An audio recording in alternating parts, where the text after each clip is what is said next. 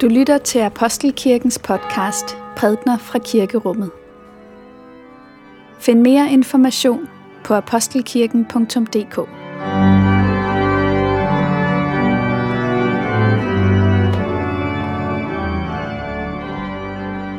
Rigtig godt og glædeligt nytår til jer alle sammen.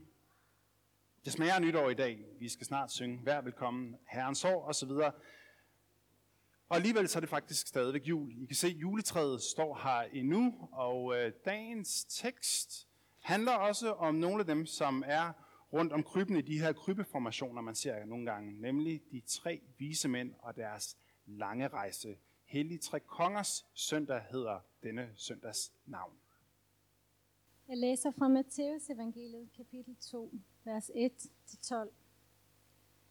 Da Jesus var født i Bethlehem i Judæa i kong Herodes dage, se, der kom der nogle vise mænd fra Østerland til Jerusalem og spurgte, hvor er jødernes nyfødte konge? For vi har set hans stjerne gå op og er kommet for at tilbede ham. Alt dette vil jeg give dig. Nej.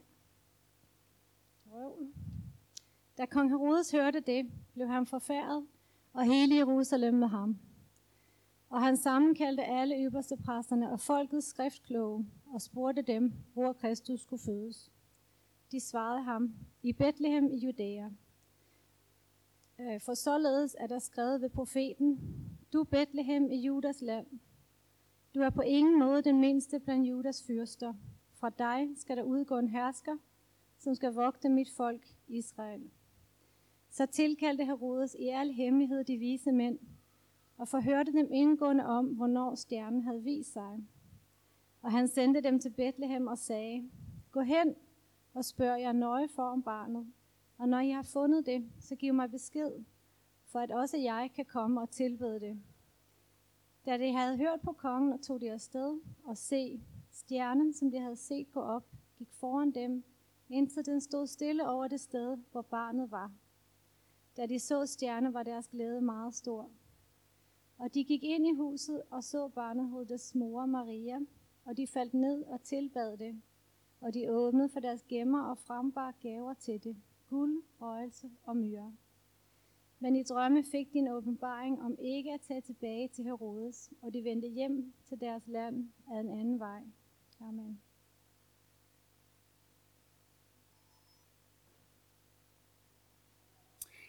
Først lidt en bekendelsesag. Jeg øh, lavede gudstjenestefolderen, før jeg skrev min prædiken, og øhm, der er egentlig ikke helt, hvordan, øh, øh hvilken vej prædiken vil tage. Bare for at sige, titlen på dagens gudstjenestefolder er ikke i øjet i forhold til det, jeg kommer til at sige nu. Billedet derimod er godt nok, så er I advaret. Lad os bede sammen. Herre, lad dit ord blive til liv for vores tro. I faderens og søndens og helligåndens navn. Ja, så vi har så hørt om denne beretning om et rejsefølge, som når sit mål i dag, efter at have været ude på nogle omveje. Vismænd, der kommer langvejs fra, som vi må formode ikke har kendt til alle de her gamle testamentlige profetier, som har været fremmede i det øjeblik, hvor de er kommet ind i Judæa. Det eneste, de har haft at gå efter, det er den her stjerne, som har vist sig for dem. Vi kalder dem de hellige tre konger. Det er nok i høj grad eftertiden, som har været med til at øh, tilegne dem de her egenskaber. Vi ved ikke, om de var tre, der står blot vismændene. Vi ved ikke, om de var konger. Højst sandsynligt ikke. De var først og fremmest stjernetydere. En slags datidens astrologer, som havde givet sig ud i verden, fordi de altså havde kigget op i stjernehimlen, østpå i et sted, og der havde de fået øje på en stjerne, som der var noget dragende ved. De måtte forfølge den. Ledestjernen, som viser vej, og altså hører vi i dag, som ledte dem til det sted, som de ledte efter. En konge er født, vi har set hans stjerne gå op, som de siger. Se, der er noget ved vismændenes rejse her, som, er, som taler stærkt til enhver, der selv oplever at være på en art trosvandring til alle os, der er undervejs. Tag modstykket. På mod er det hyrderne på marken. De står der, Næste øjeblik, så er himlen oplyst. De bliver overvældet, de bliver flashet, og der lyder det her glædelige budskab. En konge, en frelser er født, Jesus Kristus. Han ligger svøbt, gå til Bethlehem og se selv. De blev overvældet. Det kom som et lyn fra et klar himmel. Og der er heldigvis mennesker, som kan fortælle om tilsvarende lynnedslag i deres troshistorie. Hvordan der på et tidspunkt skete noget helt afgørende, som fik særlig betydning. Men vejen til krybben har været anderledes for vismændene i dag. De har skulle ud på flere etapper, de har skulle ud på flere omveje, om I vil. Og alene ud fra dagens tekst er det som om, at man kan skitsere i hvert fald tre stationer eller positioner, som vismændene har været på, og som jeg tror også i høj grad mange af os vil kunne nikke genkendende til. Den første, det er paladset. Så vi hører, hvordan vismændene har været på den her lange rejse, dage, måneder undervejs, og så indfinder de sig i Jerusalem, landets hovedstad, og de begynder at spørge sig for rundt omkring, hvor er jødernes konge? Og man ikke, mens de har gået rundt i gaderne i Jerusalem, har fået øje på Herodes' store palads, og de har tænkt, hmm, en kongesøn må fødes på et kongeslot. Paladset er symbolet på vores forventninger. Det er for dem, altså vismændene, det sted, hvor de troede, at de ville finde ham.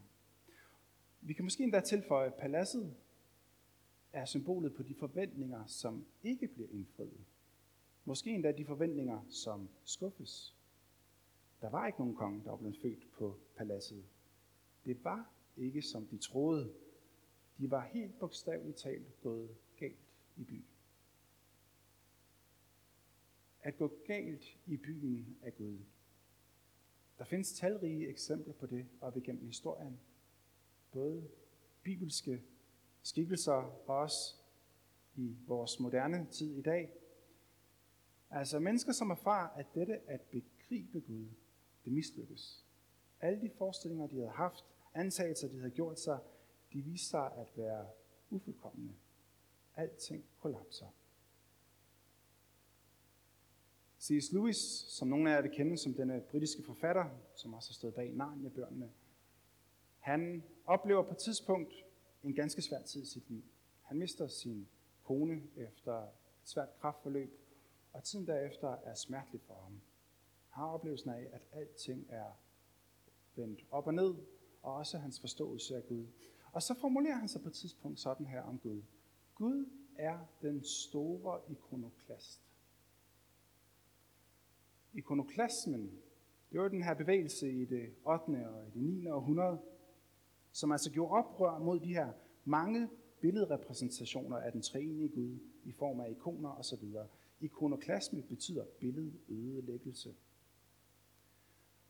Og når C.S. Lewis han betegner Gud som den store ikonoklast, så er det nok ikke, fordi han ønsker at blande sig særlig meget i en årtusind gammel kirkestrid. Nej, han har derimod noget meget vigtigt at sige om Gud. Ikke blot, at vores antagelser om Gud ofte er for små, men at Gud er den, der ødelægger vores Guds billeder. Han siger sådan her. Min forestilling om Gud, den er ikke hellig. Øh, den er ikke hellig. Jeg har behov for, at den rystes igen og igen. Gud er den, der ryster min forestilling. Han er den store ikonoklast. Og måske at den her tilbagevendende billedødelæggelse er måske et af de allerste stærkeste tegn på, at Gud er til stede i vores liv. Og så slutter han, aldrig bliver det her så klart som i fødselsberetningen. Alle Messias forventningerne bliver sprængt til stumper og stykker. Paladset, den ikke indfriede forventning, det var det, der var vismændenes situation. De stod der tilbage og forstod, at den konge, de søgte, var noget andet, end de havde ventet. Så står der, at stjernen viste sig for dem igen og begyndte at sætte sig i bevægelse. Vismændene gjorde sig klar og begyndte at sætte efter den, indtil den stod stille. Og hvor stod den stille? Ja, det gjorde den uden for en stald i Bethlehem. Det er den anden position. Altså tæt på, men ikke for tæt på. Den position, hvor man kan stå og betragte på objektiv afstand. De har stået der med hele det her berømte staldtableau foran sig. Julens epicenter lige for snuden af dem. De har været lige på trapperne. Men rejsen kunne være stoppet lige præcis der. Lige tæt på, og så alligevel ikke. Og de vil kunne stå der, og de vil kunne sige, vi har bevidnet det store, der er sket her. Omstændighederne omkring den her særlige fødsel. Og wow, det gør indtryk at se det her. Altså, det er et kongebarn, der ikke har nogen stjernenykker. Det er et kongebarn, som er i stand til at samle stor, lille, rig, fattig, lokale, fremmede som os selv. De vil være i stand til at stå og analysere den store sammenhæng, og de vil helt sikkert fatte sympati for det, de så. Den nye biskop i Aalborg, Thomas Reinholdt Rasmussen, han skriver på et tidspunkt sådan her, om nødvendigheden af at se på det, som stjernen lyser på, i stedet for blot at se på stjernen. Og det er præcis den her skældning, som er så vigtigt. Stiger vi os blindt på stjernen, men så får vi, må vi sikkert at få øje på alt det gode, alt det sympatiske ved kristendommen, som den siges at have bevirket op igennem historien, som den har bevirket i vores land i form af et lavt hierarki, opmærksomheden på næsten, et frit menneskesyn osv. Og alt det er fint, og sikkert også mestendels rigtigt, noget vi må være glade og taknemmelige for. Men stopper vi der, så når vi ikke ind til det, som er julens egentlige budskab. Hvis vi stopper der, så forstår vi i hvert fald, at vi selv er svøbt i den kristne civilisations krybbe, men vi når aldrig ind til krybben, hvor barnet ligger. Gud, som er blevet menneske.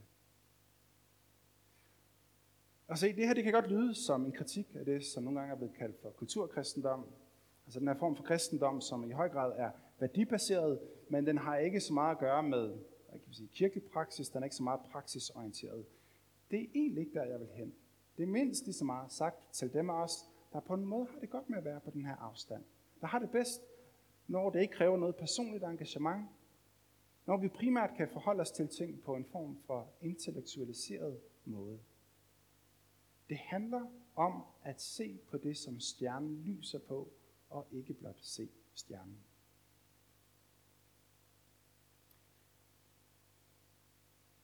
Stjernen ledte vise mænd til vor Herre Jesus Kristus hen.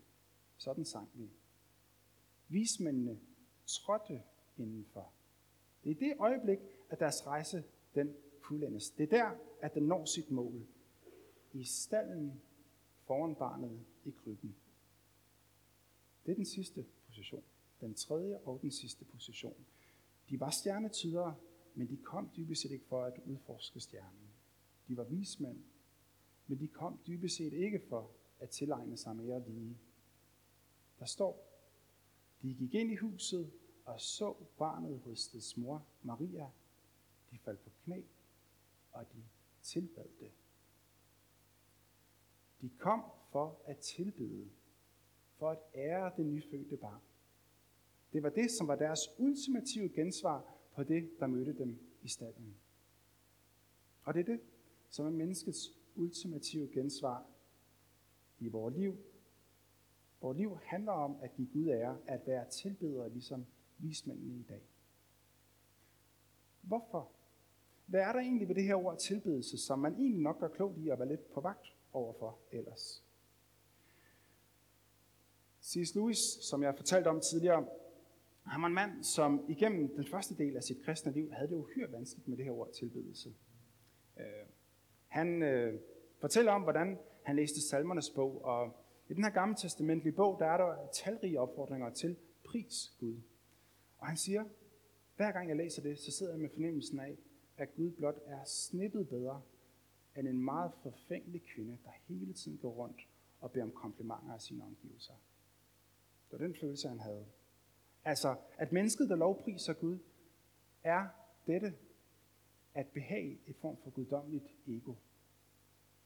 Og det gjorde, at alt det her med salmelæsninger og gudstjenestelivet helt generelt ikke var så let for C.S. Lewis. Det anfægtede ham. Hvis det virkelig er sådan, Altså, hvordan kan jeg så tro på, at Gud han tager hånd om mig, at han har blik for mig, hvis han er så dybt optaget af kun at tænke på sig selv?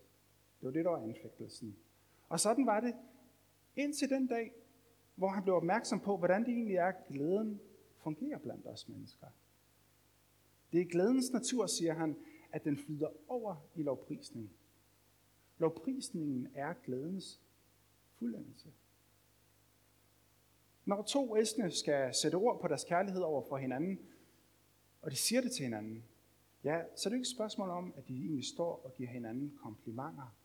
Nej, de gør det, fordi alt i den skriger på at erklære den anden sin kærlighed. Glæden fuldendes ved at komme til udtryk. Vi kender det fra andre sammenhænge. Når du læser en fabelagtig bog, så har du behov for at komme ud med det. Når du hører et vidunderligt stykke musik, så har du behov for at dele det med nogen. Glædens natur er, at den flyder over i form af taksigelse og lovprisning. Glæden søger en adressat. Og den her jagttagelse, den blev meget afgørende for Louis. Tilbedelse handler ikke om at behage en ærkær Gud. Det er tværtimod den naturlige reaktion på det, som er det glædelige budskab i julen, nemlig at Herren er født for os. Englene sagde det jo, se, jeg forkynder jer en stor glæde, som skal være for hele folket. Og vi ser den her reaktion hos vismændene i dag. Vi ser reaktionen hos Simeon og Anna, som kommer op i templet og fyldes både af glæde, men begynder at lovprise Gud derefter, da de ser Jesus hos Josef og Maria. Glæden flyder over. Og Louis, han ser, at der sker noget med disse tilbedende mennesker. Det er som om, at de på en måde bliver retvendte. Det er som om, at de bliver mere sig selv, når de står der og lovpriser Gud. Han bemærker, hvordan at de mennesker, som jo ret beset står og giver noget, nemlig deres lovsang, at det i virkeligheden er dem, der modtager noget. Tag tempelkulten i det gamle testamente med slagtoffre. Læser vi om, hvordan at tyre og geder og en masse andre dyr, bliver offret til Gud. Man kan spørge sig selv, den almægtige Gud, himlens og jordens skaber, er det Gud, der har behov for disse dyr? Næppe. Nej. Gud formidler sig selv til israelitterne igennem disse offringer. Og det her tema med offringerne for det gamle testamente, det er jo det, der bliver trukket op i det nye testamente og udkrystalliseres helt enormt med Jesu liv og død. Gud formidler sig selv til os, når vi tilbærer ham. Vi giver til synlædende, men vi får dybest set. Et af de allerstærkeste eksempler på det her vidnesbyrd, eller på det her, det har jeg fra et vidnesbyrd fra en dame, som fortæller om sit liv, og hun havde en sætning, som virkelig har sat sig fast hos mig. Det var blevet til et slags livsmotto for hende. Hun sagde, i stedet for at tale med Gud om mine problemer, ønsker jeg at tale med mine problemer om Gud. Og jeg er med på, det kan være at sætte det lidt på spidsen. Selvfølgelig må vi klage vores nød over for Gud. Men det er tilbedende menneske, der siger det her.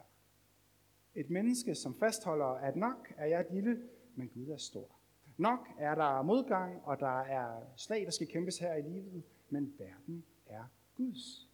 Gud er kommet nær i Jesus Kristus. Nok er der bekymringer, problemer i livet, men den bed, der blev forkyndt julenat, skal aldrig nogensinde tages fra mig. Priset være Gud. Se, tilbedelsen er den fremkaldervæske, om du vil, der gør det klart for os, at vi er Guds elskede børn. At han har omsorg for os, og intet kan skille os fra ham. Tilbydelse er ikke en boble, man træder ind i, som for et øjeblik giver en lov til at øh, være ligeglad med livet omkring en. Nej, det er tilbydelsen tværtimod, der gør, at vi kan gå ud i livet med fortrøstning og håb og i tillid til Guds omsorg for os. Lad os derfor våge at tage del i denne lovsang. Den lyder i kirken om søndagen, men den lyder også ude i det fri i naturen, selv på en lidt grå, kedelig januar søndag. Lad os gøre det. Tag del i denne lovsang med det, der er vores, som dem vi er. Lad os være tilbedere. Lov og tak og evig ære være dig, vor Gud, Far, Søn og Helligånd. Du som var, er og bliver en sand treenig Gud, højlovet fra første begyndelse, nu og i al evighed. Ja, Herre, lov og tak. Verden er din. Vi hviler i dine gode hænder. Kom til os nu og væk lovsangen i os. Du er værdig.